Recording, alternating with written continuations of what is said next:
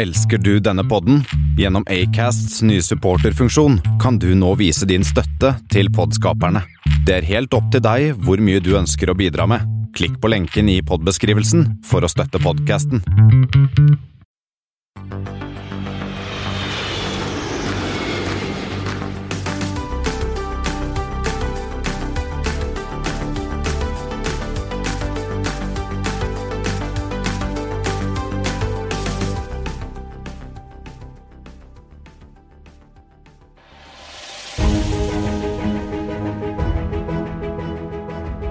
Vi i Flypodden er stolte og glade for å ha fått Indra som sponsor. Hvem er Indra, spør du kanskje? Har du ikke hørt oss i Flight 85? Der er vi nemlig og besøker Indra, som holder til i Asker og er verdensledende på ILS og systemer til flyovervåkning og kommunikasjon i tårnet. Og dette det utvikles, produseres og skippes fra Asker utenfor Oslo. Som vi hørte da vi var og besøkte Indra, så er det et selskap i kraftig vekst, og det betyr at de trenger flere flinke folk. De er i dag ca. 200, for det meste ingeniører, og de trenger enda flere. Om du vil jobbe med de aller flinkeste folkene i bransjen, de som lager de kuleste og beste produktene som selges til flyplasser over hele verden, og det i naturnære og trivelige Asker, ja, da er Indra trolig stedet for deg. Akkurat nå søker de etter bl.a. systemteknikere, systemingeniører og utviklere. For å lære mer om hva Indra gjør og hvordan det er å jobbe i selskapet, kan du besøke flypodden.no slash indra. Der finner du mer informasjon om selskapet, noen videoer som viser produktene de selger, og link til alle ledige jobber, og selvsagt finner du også intervjuet som vi gjorde med Indra i Flight 85. Om du ikke finner noe der som passer akkurat din kompetanse eller profil, så kan du sende en åpen søknad til recruitment at indra.no. Det er recruitment med C. Så er du nyutdannet eller har du noe erfaring fra før av, sjekk ut flypodden.no Indra.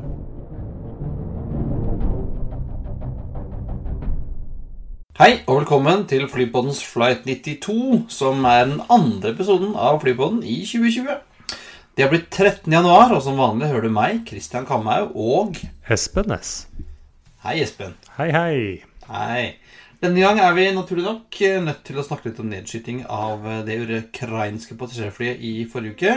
Airbus har lansert den endelige fasiten på 2019-bestillingene. London City har satt rekord, og det er en slags krig på et merkelig City Pair i Europa, mens nedturen fortsetter på Arlanda. Vi har mye å, å kjøre gjennom i dag, Espen. Ja, skal vi finne noen flighter og sette i gang? Ja, jeg har funnet uh, to Flight 92-er her. Skal vi se om du klarer å ta disse. Mm -hmm. eh, vi starter med LM92, som går Send ABZ. Eh, den kan jeg faktisk, for LM det er Loganair. Ja, stemmer. Tror jeg. Send det er London South End, og ABZ er jo Aberdeen. Ja, ja, den var lett. Den var lett. Men da har jeg en annen, en annen der. M092. Har ikke peiling. Og den går altså ULZ til ULN. Da ender den opp i Ulambator. Men hvor den ja. kommer fra, det Og hvem som flyr, det vet jeg ikke. Nei, altså M0 er Aero Mongolia. Og de flyr fra den mongolske byen Uliastai til Ulambator. Jeg var faktisk går, ikke klar over at det fantes flere flyselskap i Mongolia, så der lærte jeg i hvert fall jeg noe nytt. Den går sånn på formiddagen. Og så er det da én ting disse to flightene har til felles. Nå vet jeg jo ikke en skit om den siste, da. Men uh, den første er, er, jo en Embraer 145. Kan de andre også fly det samme, eller er det noe helt annet? Det er riktig, Espen. Det er koden i dag. Dette er altså det eneste Flight 92 jeg fant i hele verden som flys med Embraer 145. Mm. Ja. Der ser du. Det lønner seg å gjette. Vi klarte det. det. det. Det var ikke så mye annet det finnes. Eh, og så er det jo ganske ja, Det er jo ikke verdens største flyselskap, noen av de. Nei. Eh, og så har vi en ulykkesflight 92. Eh, British Midland 92. Ja, den Bringende bjeller. Eh, ja. Eh, den, selv om den er, den er etter jeg ble født, men før det jeg kaller min tid. Eh, men den er jo Det er nesten jubileum i dag. Ja, det var ikke langt unna, det, gitt. Men ja, den er jo relativt eh, kjent, og den som du eh, har forsket litt på, hvis jeg kan si det sånn, så er det noen likheter nå mellom en, eh, noen nylige ulykker? Ja, jeg syns det minner litt om Max-ulykken her. For altså, det som skjedde Dette er altså 8. januar eh, 1989. En eh, British Midland Flight fra Heathrow til Belfast. 118 pax og 8 crew. Um, og den krasjet altså på vei inn til East Midlands Airport, som ligger sånn midt imellom, cirka. Den skulle hun jo egentlig ikke. Nei, eh, for den måtte jo gå ned. Eh, 47 stykker omkom, 76 hardt skadd. Og det som skjedde, da, var at eh, på vei til Belfast så, så brakk et av disse hva heter det, turbinbladene. Fanblades. Ja, og det har jo skjedd noen ganger med fly. Det skjer iblant. Ja, ja eh, og det da i den venstre motoren, altså motor nummer én, blir vel det. Ja. Ja, ja. Eh, og det gjorde da at eh, det skjedde noe med aircondition-luften, slik at det kom røyk inn i kabinen. Det vil jo ikke ha noen. Ja, nei. Eh, og, og det fikk pilotene til å tro da at det var en feil i den høyre motor nummer to-motor. Fordi at tidligere skytterskymodeller, da kom luften inn, fra, altså inn i aircondition-systemet fra nettopp høyre motor, og ikke venstre. Og det hadde ingen fortalt dem om. Nei. Eh, det hadde, dette var da en, en Shooter 2400. Eh, Ja, da var den helt ny. Den var kliss ny. Eh, ganske, det var Bråten hadde akkurat fått sine omtrent da også. Så det var ganske nye greier. Og da gjorde det pilotene. Hva gjør du når de tror at du har, at du har brann i høyre motor? Da skrur du av motoren. Da skrur du høyre motor, og det var den som virka. Ja. Det var jo litt kjedelig. Eh, og da, og da eh, merket de at, at det gikk ikke så bra. De ga, derfor ga de da full pinne på den motoren som virket, trodde de. Venstre. Det var heller ikke så bra. Som ikke virket. Og det førte da at det ble brann i venstre motor. Mens de hadde stengt høyre motor, som de trodde brant, men som var helt fin. Ok. Eh, og da eh, Da har du plutselig et, et, et seilfly da, som brenner. Og det er ikke noe særlig. Nei. Eh, og da prøvde jeg altså å gå ned, men kom, eh, klarte ikke å rekke fram til rullebanen og, og traff motorveien. Ja, for de klarte da heller ikke starte opp den ødelagte motoren Nei, den motoren som Den som virket. Nei. Og så var det masse vibrasjoner og sånn. eh, og- det var altså ja, Der har du litt, litt likhet mellom maksene. At her hadde, Boeing lagd en ny modell og gjort om på systemer. Bytta helt om. Og, ikke, og piloten hadde ikke fått med seg eller ikke fått, fått uh, fortalt. Nei. Og det, da gikk det som det gikk. Men det ble jo litt mindre kanskje skriverier om det. litt mindre Det var ikke så al alvorlig. Nei, det var ikke det. Eh, Men jeg husker jeg fløy en, en relativt ny Bråtens eh, 727-400 ikke så lenge etter. Og da ble jeg, var jeg faktisk første gangen jeg var litt sånn nervøs når vi på sånn andre andre runde inn mot sola i tåka ikke kom ned. Da ble jeg litt sånn Oi, da ble jeg litt sånn småskjelt, faktisk. Ja, ja. Ja, men uh, mer som den eh, det i minnet, da. Så det var altså Flight 92. Uh, Ulykkesflight 92. Mm. Vi skal snakke om mer, vi skal snakke om mer av faenskap, men det kommer vi tilbake til, Espen. ja. Vi, La oss starte med Du har kikket på trafikktallene for 2019. Hva er fasit?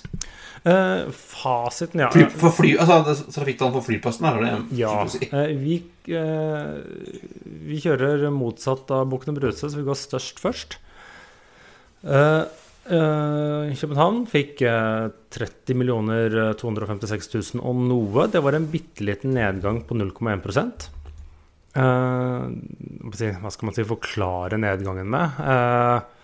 Det var jo litt SAS-streik, og den er vel kanskje etter eh, Bortsett fra eh, Keflavik, så er det jo da den som kanskje ble, fikk en litt sånn eh, konkurseffekter. Vi hadde jo Ja, noen med- selskaper som gikk konkurs som Ja. fløy dit, sammenlignet med de andre flyplassene. Nå ser jeg bort fra Keflavik. Og så hadde du vel, har vi også, noe det er vel noe lekkasje fra Jylland også, som ikke går inn i den Ja, men det er jeg, så stort. jeg tror det er nesten neglisjerbart. Men Eh, 0,1 er jo Det er flatt. eh, Det er flatt, Men- men, det er jo ingen vekst, da. Nei, men det som jeg så på de siste måneders tall, at nå har interkontinentaltrafikken er begynt å falle. Så den falt jo med sånn 7 Jeg tror det er rundt 7% og det skyldes jo at Norwegian har trukket seg ut. Ja, for så var det den som gikk eh, godt hele veien før, eh, men nå begynner det også å bite. Så nå er det europatrafikken som egentlig var den som vokste. Og Ja. da, på andreplass, uh, kom da OSL. 28 592 000, så nesten 28,6 millioner. og vokste da med 0,3% Ja, Det er jo ikke noe dere Nei. Men samtidig så har du liksom den største aktøren der. Jeg har jo liksom kuttet kapasitet, men kanskje ikke så mye på Oslo. Men eh, eh, de, det er jo i disse tider Jeg syns det er helt greit. Det er helt godkjent. Ja, gjerne litt streikeeffekt der også, kanskje. Og gikk jo et par dager uten chartertrafikk, i hvert fall med Ving også. Så ja, ikke så gærent. Så eh, Men så kommer vi til der hvor det er ikke så Hvor det, hvor det er gærent. Ja, nå, nå her, nå hvor det skjer noe. Du begynner med Arlanda. Hadde 25 millioner 642 000. Eh, og de falt da 4% Og det er jo da spesielt innenrikstrafikken som stupte. stupte. Nå var det 9% der. Mens utenriks bare hadde 2% fall. Så utenriks er jo ikke krise, men det er ikke bra heller. Nei. Og selv uten den eh, Selv om det hadde ligget flatt, så hadde det vel likevel også vært mindre enn selv, da. Ja, ja, absolutt. Og nå, nå har du jo Uh, Hvis vi da går ned til fjerdeplassen, Helsinki, 21 861 000. Så nå er det jo sånn Tidligere så henter det liksom Oslo og Arlanda knivet litt om kanskje andreplassen. Det var litt jevnere. Nå er de fire uh, flyplassene nå liksom Det er ganske stor forskjell på dem. De ligger sånn på, på rekke og rad, da, men med, de er ikke i nærheten av hverandre lenger. Nei, men eh, Helsinki viser jo vekst. Ja, den eh, vokste 4,9% men de er jo fortsatt da nesten 4 millioner passasjerer færre enn Arlanda. Og en liten kommentar til veksten på Helsinki. Det er, det er jo europatrafikken og interkontinentaltrafikken begge som går opp der. Eh, Innenriks var ned. Men eh, for første gang var det mer interkontinental trafikk fra Helsinki enn København. Oi! Men det var et par tusen passasjerer. De hadde sånn 3,7 millioner jo, jo, passasjerer men begge. Men det var, ja. er Interessant. Eh, Ah. Så har du jo da den store taperen, og det skyldes jo ikke flyskam, det var jo Keflavik. Eh, endte Ja. på 7,2 millioner et eller annet, minus 26,1% Og det er eh, Det er jo en wow-effekt, bokstavelig talt. Wow-effekten, ja. Det er wow-effekten. Eh, og så er det noen andre selskaper som også har kuttet litt. Mm. For nå husker jeg ikke nøyaktig tallene, men Icelandair hadde litt flere passasjerer i år enn i fjor. Sånn bitte lite grann flere. Men de har mindre transfer-passasjerer. Og litt sånn, For ikke å gå teknisk inn i det, så blir ofte en transfer-passasjer annet telt to ganger på en flyplass. For han kommer inn og Ja, for han kommer inn, og så kommer ut. Ja. Eh, og så annet, hvis vi ser på hele Avinor-systemet, så det er jo egentlig de norske flyplassene unntatt eh, Torp, også noe sånn der Notodden og Stord og sånn ymse. ja. Eh, de kom litt over 54 millioner passasjerer. Det var en vekst på 0,6% ja. Så det tror jeg omtrent er for så- første gang OSL vokser litt mindre enn resten av systemet. Interesting. Men det, Så det var altså det. Det var, det var flypassåret. Um, ingen eh, store overraskelser, egentlig. Ja, Man har jo sett tendensen sett ja, ja. eh, jevnt, så blir man se. Spennende å se hvordan eh, 2020 blir. Eh, Det handler egentlig mer om spenningen går med på fortsetter tendensen. At København og OSL er flate, og mens Helsinki og Arlanda skal gå hver sin vei. Hvem vet? Ja, ja.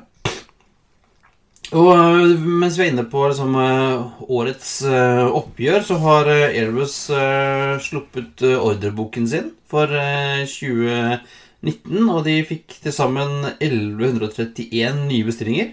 Det stemmer, ja. Men, men. Og så var det kanselleringer. Ja, for de har, både de og kundene deres har hatt en ganske egentlig grei opprydning. Så de hadde jo hele 363 kanselleringer, slik at de netto fikk 768 nye ordre. Eh, Dette ligger jo på Airbus sine sider, men de, eh, for oss økonomer, de hver eh, slutten av hver måned så presenterer de et Excel-ark hvor både leveringer og nye ordre står, for sånn kan forske på det og få Ja. det i system. Men uansett, altså, det betyr jo at samtidig så leverte de 863 fly i fjor. Det var opp fra 800 i året før, som også jo var en rekord. slik at for første gang tror jeg på lenge så er det litt færre ordre i boka si ved utgangen en inngangen til året. Men de kanselleringene som er gjort, var jo mye litt sånn shaky ordre. Det var eh, opprydning av liksom 83-ordreboken og, og mange selskaper som Ja, det var ikke reelle ordre, men det er litt sånn eh, Nå blir man litt teknisk, er at Airbus, selv om kunden går konkurs, så kan ikke Airbus bare kansellere ordren.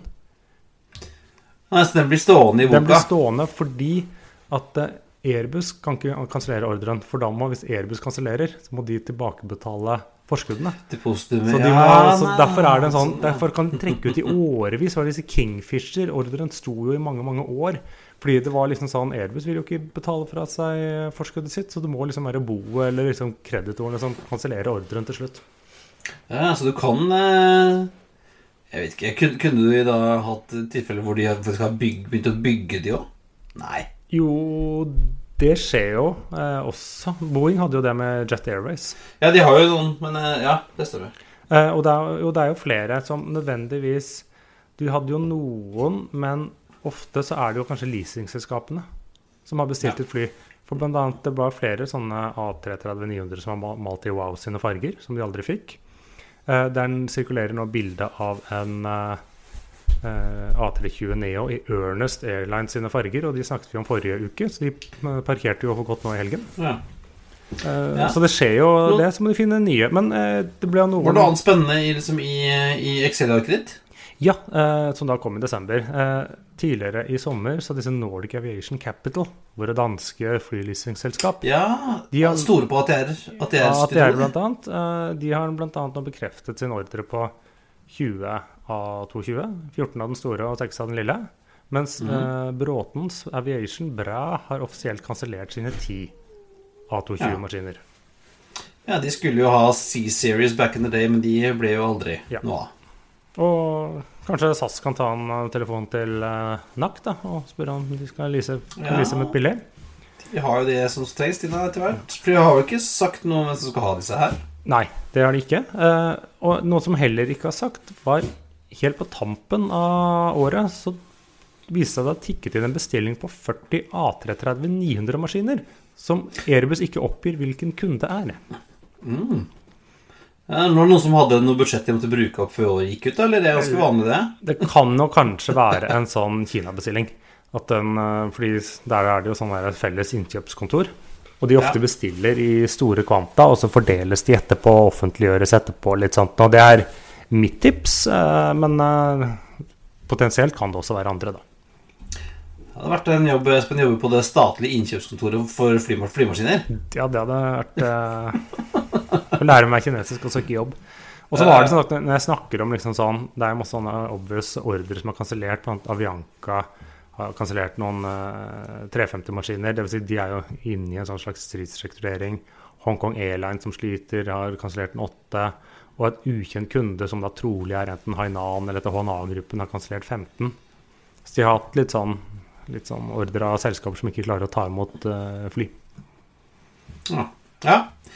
Uh, vi har venter vi å se om ikke Boeing slipper sine tall snart. Det blir jo ganske Ja, det er litt dårlig, dårlig på leveransen i hvert fall. Ja, de har ikke Hvor mange makser har blitt bestilt i år, da? Ja, det var de 200 da, til uh, JAG, da. Nei, de er ikke foreløpig ikke bekreftet. ikke, nei, de er bare en sånn der lett- lett- Ja. Uh, og mens vi er inne på Airbus, så leste jeg en morsom artikkel i Daily Mail uh, her i forrige uke om at eh, Airbus nå skal forske på å, å fly passasjerfly i V-formasjon, sånn som eh, fuglene gjør når de flyr til Syden. Ja. Eh, fordi altså, de gjør det altså, du, er jo glad i Tour de France. ja da.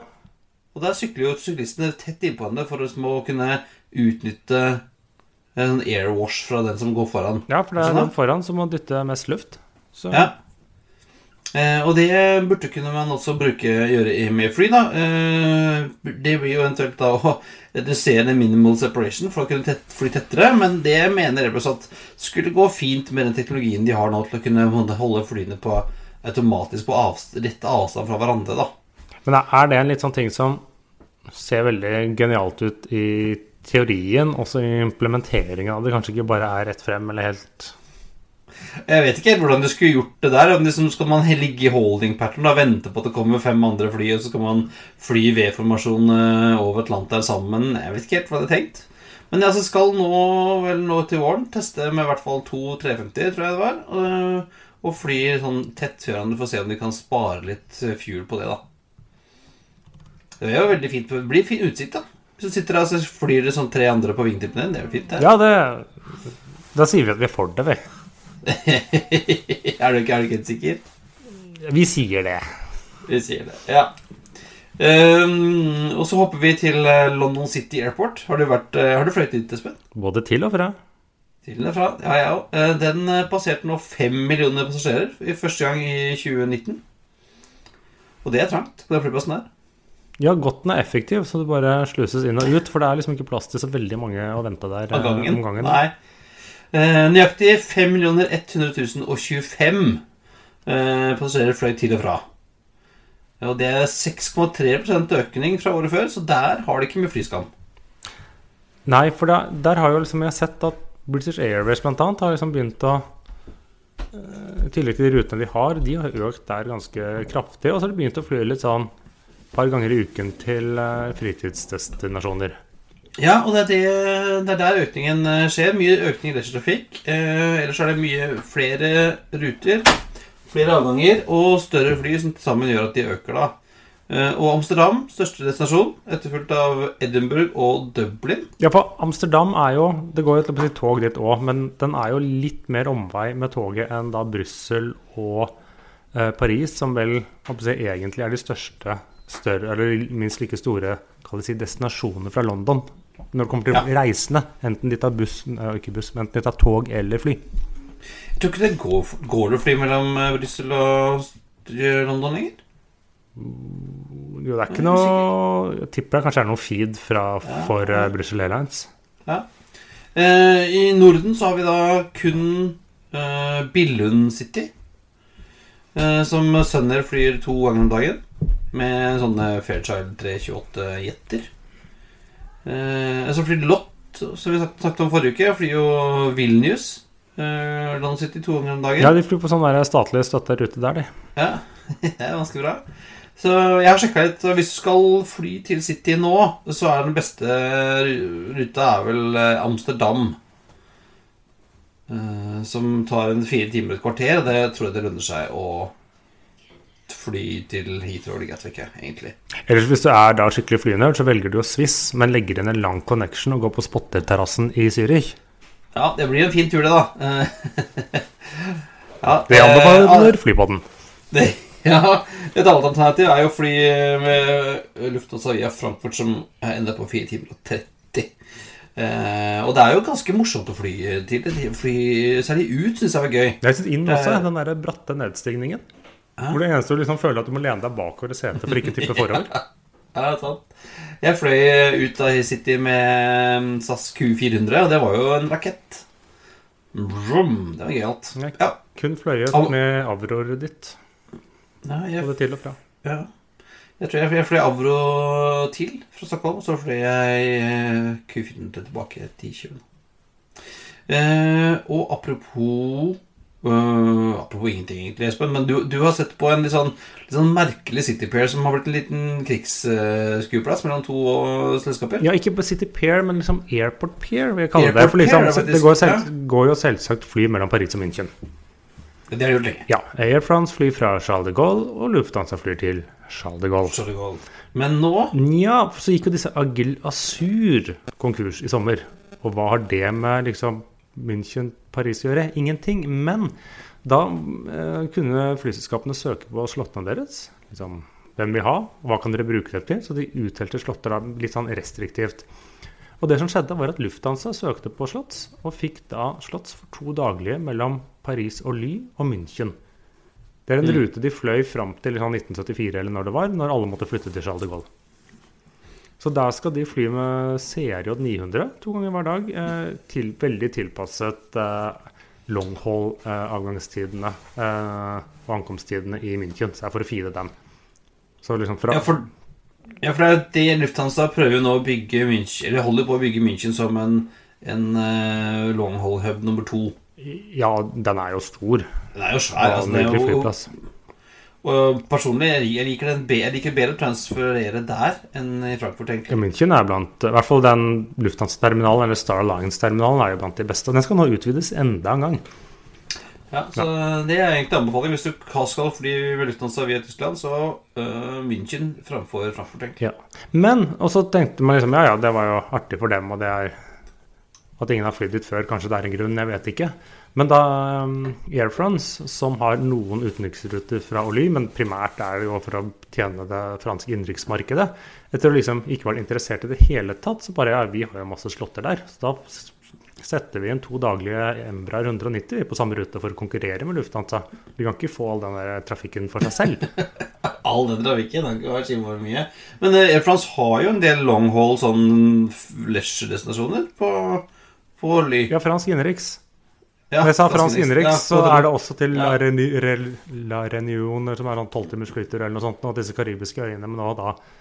Eh, men fra et sånn business-synspunkt eh, Paris og München er jo to viktige businessbyer. Så er jo Oly, slik jeg forstår det, nærmere mange steder i, eh, i Paris. Ja, Den ligger vel sør for byen, det ikke sånn? Ja, og du ser mye av trafikken eh, når du er der. Og jeg tror den ligger nærmere dette der businessdistriktet. Ja, opp til, Hvis du skal opp til La Defense og sånn, ja, så er det kanskje raskere og dit. Ja, kanskje. Ja, ja nei, det er interessant. eh, Med en liten krig med Lufthansa og Air France på Orly til München, altså.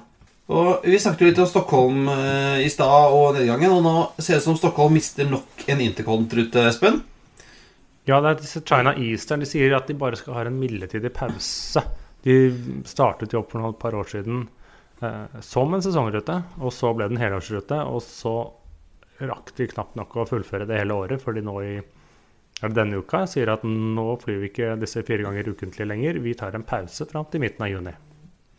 Ja, Det er altså Stockholm-Shanghai eh, Ja. som de har fløyet. Og ja, vi får se da om de kommer tilbake til sommeren. Eh, det, altså, det er flyskam, og det er, det er, en, kjempe, det er en veldig høy passasjeravgift på interkant i Sverige. Mm. Uh, som har gjort at uh, SAS har flytta både Hongkong og, og Los Angeles til uh, København, og Norwegian har lagt ned alt sammen. Thai har kutta sin Phuket-flight, Mm. og Delta har ikke kommet tilbake på New York. Nei, de har kanskje ikke det? Nei.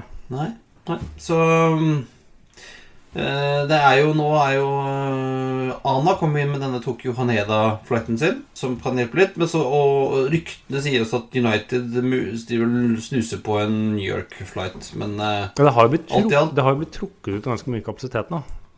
Det kan man ja, si. så, ja, så det, og, og det, der ser vi jo denne Det er jo der eh, Kan hende den, den, den trafikken går til Helsinki, da. Ja, Helsinki. København det, det er jo ikke sånn Ja. at trafikken forsvinner. Noe forsvinner, men eh, noe forsvinner de bare men- men, eh, priser seg ut. Så det blir jo sånn sånn eh, si, Man flyr bare via andre. Ja, det, det, det, vi får se da hva som skjer, om det kommer noe nytt igjen der, eller om eh, Arlanda skal miste enda mer. Nå så jeg vel også at i hvert fall denne uken her neste uke så har de jo heller ikke Teheran-flighter heller. Nei, vi kommer jo kanskje litt tilbake til det, men eh, ja. Eh, og så har vi konkurshjørnet, Espen. Der er det en gammel venn som banker, eh, banker på vel inn. Flybe, de trodde vi var reddet, og i Ja, de ble jo sånn delvis eller kjøpt opp av blant Virgin, Stobart Group, dette Cyrus Capital. Men nå er de i krisesamtaler, for de trengte visst mer penger. Ja, Og det ville ikke Cyrus og, og Stobart være med på.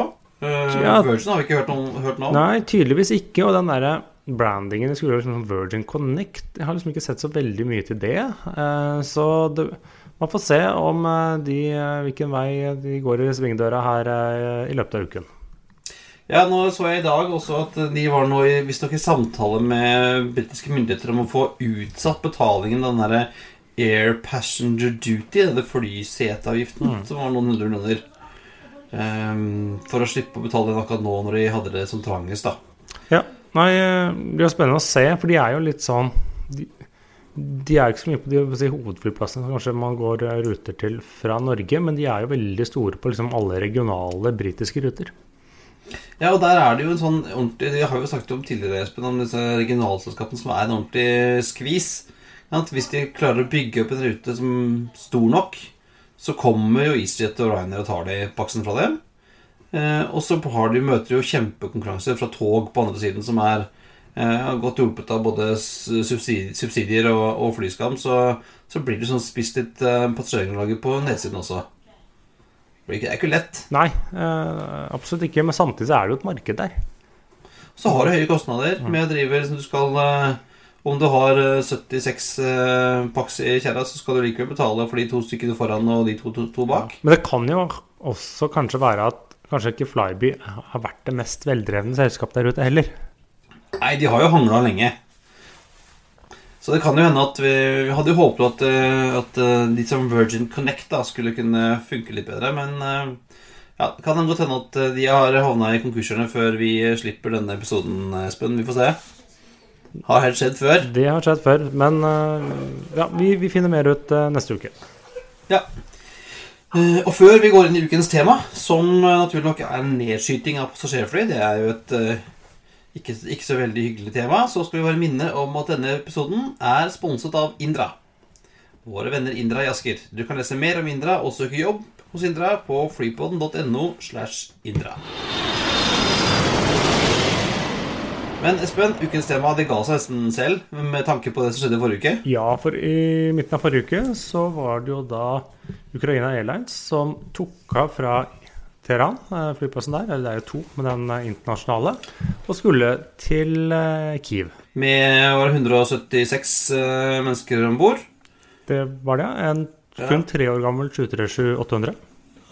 Ja, uh, mye transferpassasjerer som skulle over Canada og til Sverige, og veldig mye uh, personer med iransk bakgrunn, var det vel? Ja. Hadde vært Jeg så om de ikke hadde iransk pass, så så jeg passasjerlistene, og navnene var relativt iranske. Så kanskje en del iranere som hadde vært eh, på ja, juleferie, hvis man kan kalle det det, eller nyttårsferie. Besøkt Ja. eh, slektninger. Ja. Eh, Og denne avgangen var sånn Det var da tre-fire-tiden på morgenen. I mørket. Ja. Og dette var jo også samme dagen som iranerne hadde fyrt av en 40 kryssraketter til eh, retning eh, amerikanske baser i Irak. Og, og var rimelig på tuppa, kan man si at den revolusjonsgarden var den natta. Ja, så når det flyet tok av, som er vanlig avgang fra eh, flyplassen, så var det en luring som sendte av gårde to missiler mot det flyet. Ja, eh, og vi snakket jo litt om dette eh, forrige, for, eh, sånn, eh, off-air forrige uke, og at det var jo veldig tilfeldig at det skulle skje en sånn alvorlig ulykke rett, rett i nærheten av militære områder i Teheran, samtidig som det var raketter og andre ting som fløy rundt. Det var jo også Ja, og min- Hvor og min- sannsynlig var det at det var en ulykke? Ja, og myndighetene påstod det var teknisk feil med flyet. Omtrent Flyet hadde ikke rukket å krasje enda før de var ute med den pressemeldingen. Nei, bitene var vel ikke kalde ennå før, før den kom, men uh, det var vel ganske mange som begynte tidlig å spekulere at dette kunne vel kanskje ha vært en eller annen uh, rakett uh, eller noen skyting på avveie, og det viser seg at det var. Etter tre dager så ble det innrømmet jo i iranske myndigheter at her hadde det skjedd en tragisk feil, og noen hadde skutt ned dette flyet. Ja, de ble vel Når du blir tatt med buksa så langt nede, så kan du faktisk ikke nekte. Da, det ble, det ble altså, såpass dumt til slutt. Ja, eh, det var jo eh, mye Det var jo, det var jo video av dette, og det var eh, etterretningsrapporter og alt mulig, så nå er det jo Ja, og, og før etterforskerne kom, så tok iranerne og kjørte over ulykkesstedet med bulldoser. Gjorde det òg? Ja. Ja, ja. eh, men nå er det altså eh, Kommer det til å skje noen opprydding. Det er, eh, folk er jo i gatene i Teheran er rimelig forbanna. Ikke nå på den store satan i USA, men altså lederne i landet. Ja. Og dessverre så er det ikke dette første gang, eller sikkert ikke siste gang heller, som sivile fly blir skutt ned i en eller annen konflikt. Så vi har kikket på noen av dem. Det har jo Det fins en lang liste med sånne som går helt tilbake til 30-tallet, dessverre. Men vi har tatt fram noen som kanskje er de mer, litt mer interessante, Espen. Ja, den, den mest skal det si, kjente i, si, i nær tid er jo da MH17, Malaysian Airlines 17, som ble skutt ned over Øst-Ukraina i 2014. Ja, og, og de trodde jo at de var ganske trygge, selv om de fløy over et krigsområde. Ja, og, og ukrainske myndigheter hadde stengt det lavere luftrommet der, men ikke liksom opp på sånn 30 000 fot og oppover, eller hva det var, eh, hvor eh, de fløy. For dette er liksom litt teknisk, da. Dette flyet som ble skutt ned nå i Teheran, eh, det ble skutt ned med litt sånn Det er ikke så vanskelig å skyte ned et fly som nettopp har tatt av. Nei, det er ikke så langt opp. Nei, det er ikke så langt opp. Eh, men dette ble skutt ned da på over 30 000 fot, og da bruker du en stor rakett. Ja, for det, det var en sånn svær en sånn lastebil. Ja, da bruker det du grovt, skutt, eh, grovt skyts, ikke noe nødvendigvis en sånn lokal opprørsleder har. Og det sto vel 'Made in Russia' på den raketten, har det vist seg litt i ettertid, da. Men eh, Ja, og det er vel eh, det, Selv om også de eh, nektet veldig lenge, så er det vel det blitt nå mer eller mindre bevist at det her var russiskstøttede ukrainske opprørere. ja, og så er liksom, er det ikke helt klart hvem som egentlig kom drassende på den missilen. Nei. Nei, men det tipper jeg at en eller annen eh, Det er vel noen nederlandske anklagere som har et eller annet sak Ja, de har vel gått til sak også, tror jeg. Ja. Men eh, å se hva som er der. Og så hvis vi går litt eh, kronologisk, så vi skal til Ukraina igjen. Ja, altså Det er ikke, det er ikke, helt, det er ikke trygt der nede. Nei, enten er det, om ikke det er i Ukraina, så var det eh, eller ukrainske selskap. Men denne gangen var det over. Dette var i 2001. Sibir Airlines rute 812. Det var en Tuple 154 med 76 passasjerer om bord på vei fra Tel Aviv til Novosibirsk. Eh, og den gangen så var ukrainerne og russerne venner. Så Ja, på Krim. Ja, på Krim. Så de hadde en felles øvelse hvor de skjøt på droner. Men ukrainerne bomma på dronen, og så missilen fortsatte og låste seg inn på det neste målet den fant, som var da dette passasjerflyet. Au, au, au, au. Ja, eh, det var jo heller ikke bra. Nei. Eh, Og dette her var vel eh, jødisk, russiske jøder som hadde vært i Israel på ferie eller noe, var Ja, Det husker jeg ikke, men det er jo Ja, det er noe sånt noe. Eh, og nå har vi vært liksom, i Ukraina, så går vi tilbake til Iran igjen, i 1988. Ja. Uh, ganske kjent uh, her. Det var Iran Air 655, hvor 290 mennesker omkom. Og det var en ganske helt vanlig uh, flyvning som gikk mellom Bandar Abbas i Iran og Dubai. Ca. en halvtimes tur. Det er sånn Oslo-Stavanger-tur hvor du kommer opp på topp, og så går du ned igjen. En eh, A300. Eh, og mens denne da eh, maskinen fløy over Hormuz-stedet, som er der det smale stedet helt nederst i Persiabukta, så drev amerikanerne og iranerne og, og, og sloss. For dette var jo midt i Iran-Irak-krigen, og iranerne hadde drevet en stund og mm, angrepet internasjonal skipstrafikk i Persiagulfen. Amerikanerne hadde sendt ned 30 krigsskip. Eh, Blant annet USS Vincennes, som var vel et kryss eller en fregatt eller hva det var for noe. ja, for de ønsker da å holde Persiabukten åpen for oljeeksport. For du blir jo ikke gjenvalgt som amerikansk president hvis oljeprisen går i taket. Tommelfingerregel nummer én. Eh, og denne Irania 655 da, var så uheldig og var litt forsinka. Så den kom over dette Hormuz-stedet eh, midt mens amerikanerne drev og sloss med sånne små eh, og eh, et helikopter som hadde blitt beskutt. Så på radaren til amerikanerne så trodde de at det som kom mot dem, ikke var en A300 på vei til Dubai, men en eh, F-14 Tomcat. En sånn, det er en Top Gun-fly, Ja, ja. er det ikke Det det? er jo klassisk fly som de klarte å selge Ja. til iranerne rett før revolusjonen. Ja. Eh, og, i, og de hadde jo da De visste at her var det sivile fly som også gikk, og de hadde ha en liste på papir visstnok over alle disse rutene. Og de sjekka, sjekka denne lista mot uh, flytidene, og da sa jeg at det passet jo ikke. Skulle ikke være noe fly her nå. Nei, for de hadde ikke fått en oppdatert liste. Nei, for det var, også var det ikke Du var jo forsinka. Ja. Sant? De burde hatt uh, Flightradar 24 Ja, burde- tilbake da. Ja, sant.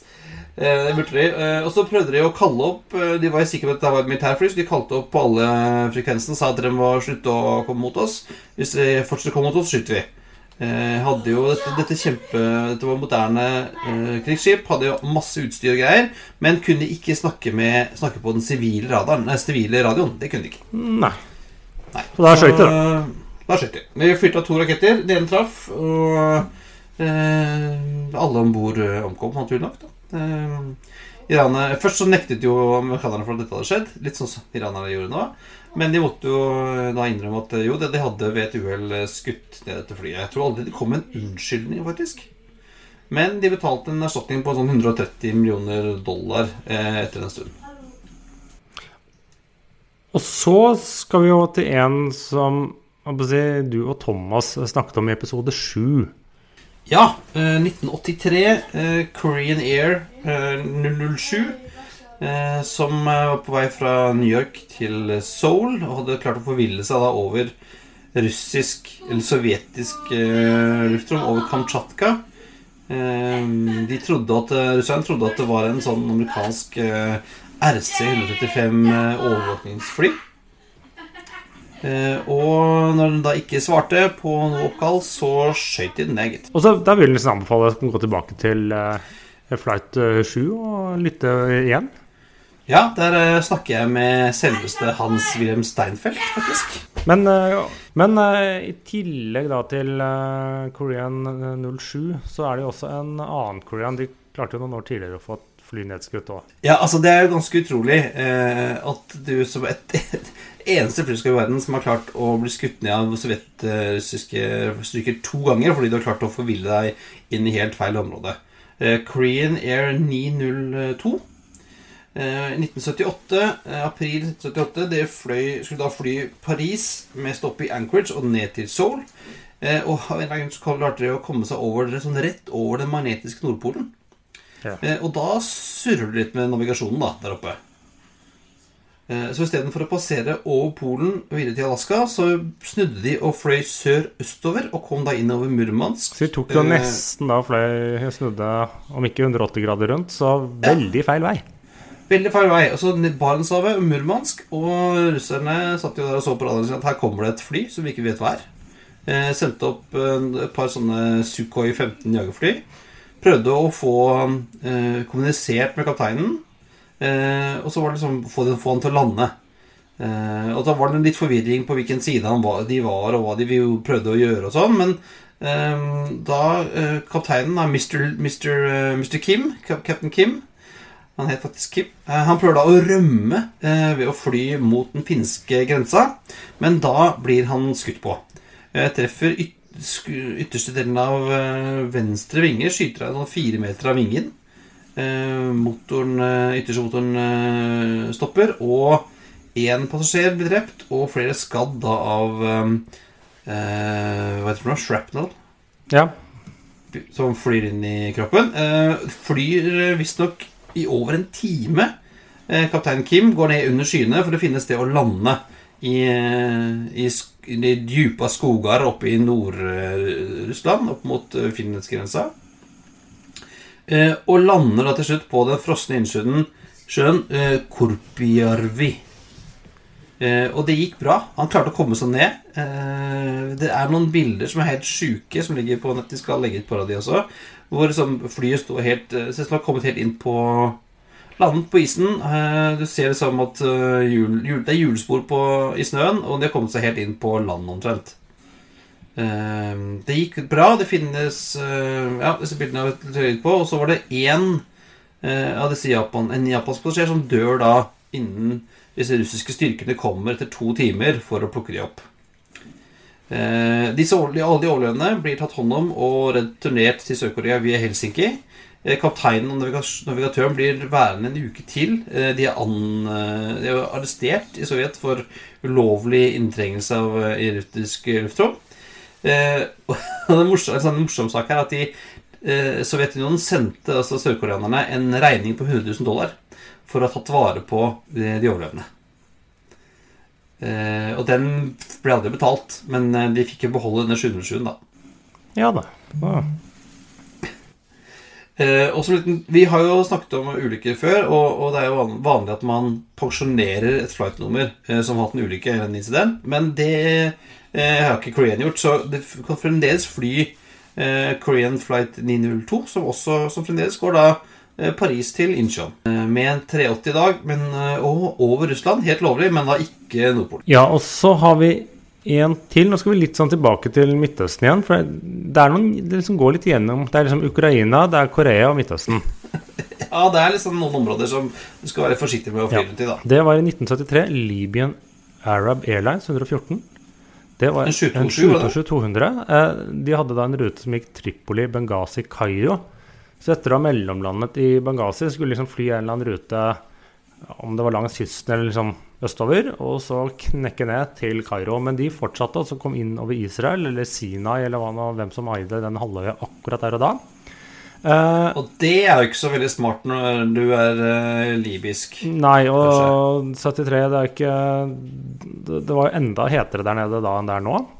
Sånn at uh, to israelske F4 kom opp, prøvde liksom å kontakte flyet, men han hadde heller ikke sånn at nei, Libre skal helst ikke dra til Israel, så han var ikke så veldig gira på det, så de skjøt på flyet eh, med kanonen. Eh, og det ble skadet, og så skulle forsøkte de å nødlande.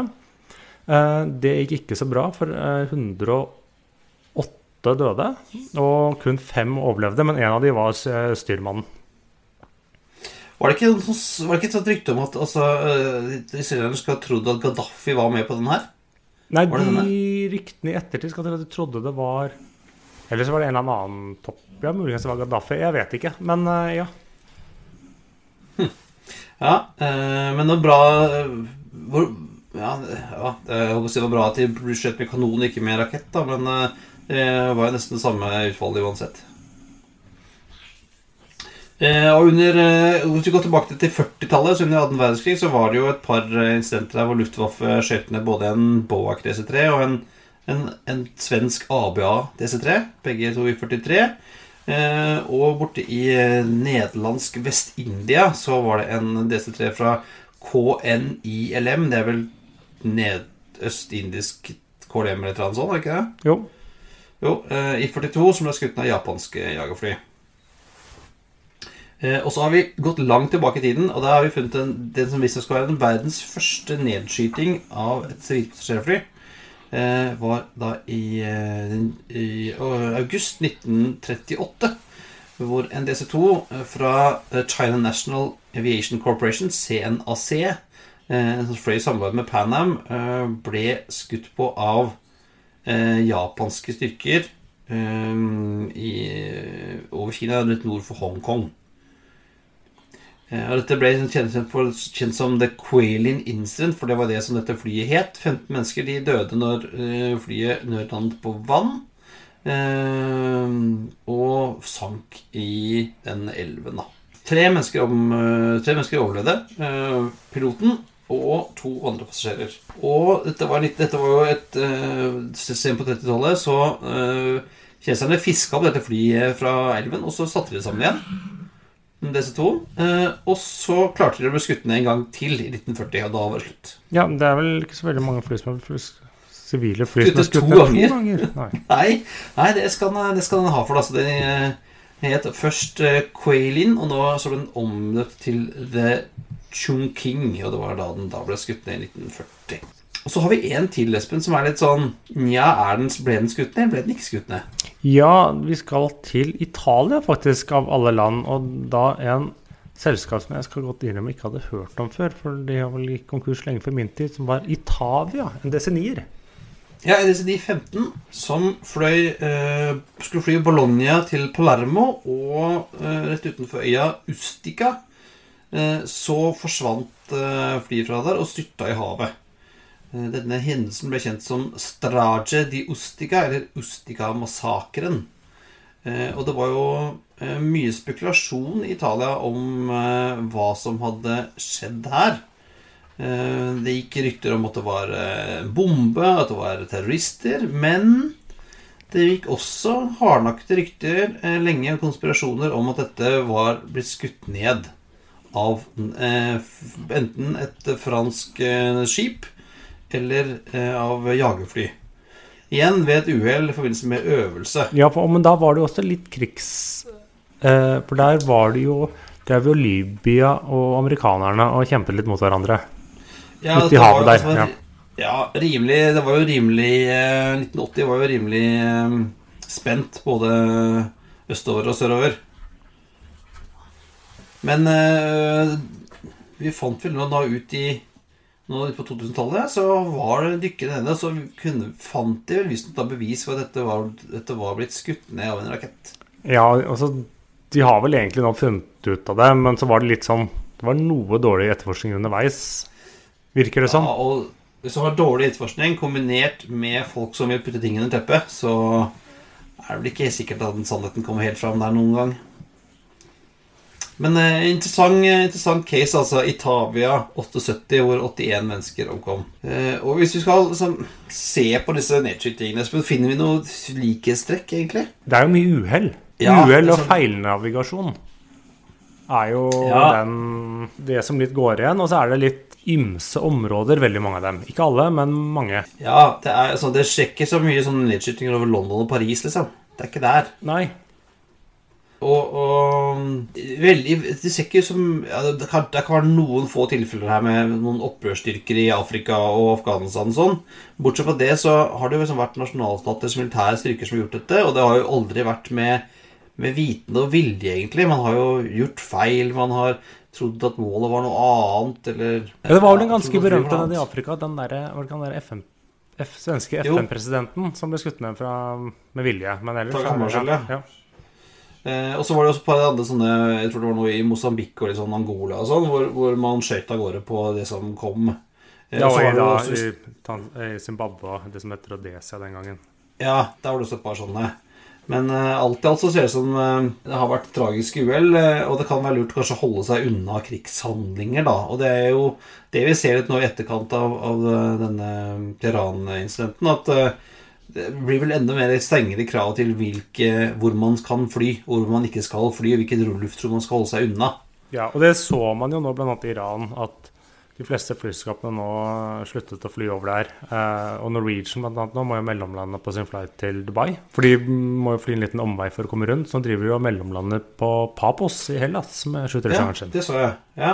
Og um, det var jo også til, var det i fjor det, hvor de stengte luftrommet over Pakistan mens det var litt sånn eh, eh, Hvor det var litt spent mellom Pakistan og India. Det kan jo være lurt å bare holde seg unna, vil jeg tro, eh, når, når det flyr raketter rundt omkring. Og, men det som, det som jeg tenkte litt på, Espen, at det er, jo, det er jo flaks, kan man si, da, at ikke vi har hatt flere terrorangrep med raketter mot fly. Ja, det har vært noen som har forsøkt seg, men det, var ikke, det er ikke mye. Nei, altså det var jo disse Al Qaida som prøvde seg i 2002 da, i Mombasa i Kenya, hvor de hadde fått tak i noen sånne antiluftraketter og skjøt mot Arkia, israelske Arkia-fly. Men, eh, men tenk, tenk hva de kunne gjort da hvis de hadde fått en sånn russisk lastebil med ordentlige raketter på seg. Ja, Men det viste seg at de, kanskje de skikkelige rakettene er ikke så lett å få tak i. Nei, heldigvis. Eh, For tenk dere som hadde fått en sånn i et skogholt utenfor Skiphol. Det hadde, hadde ikke vært bra, det. Men samtidig så hadde de jo bare rukket ett før det hadde kommet noen eh, ja.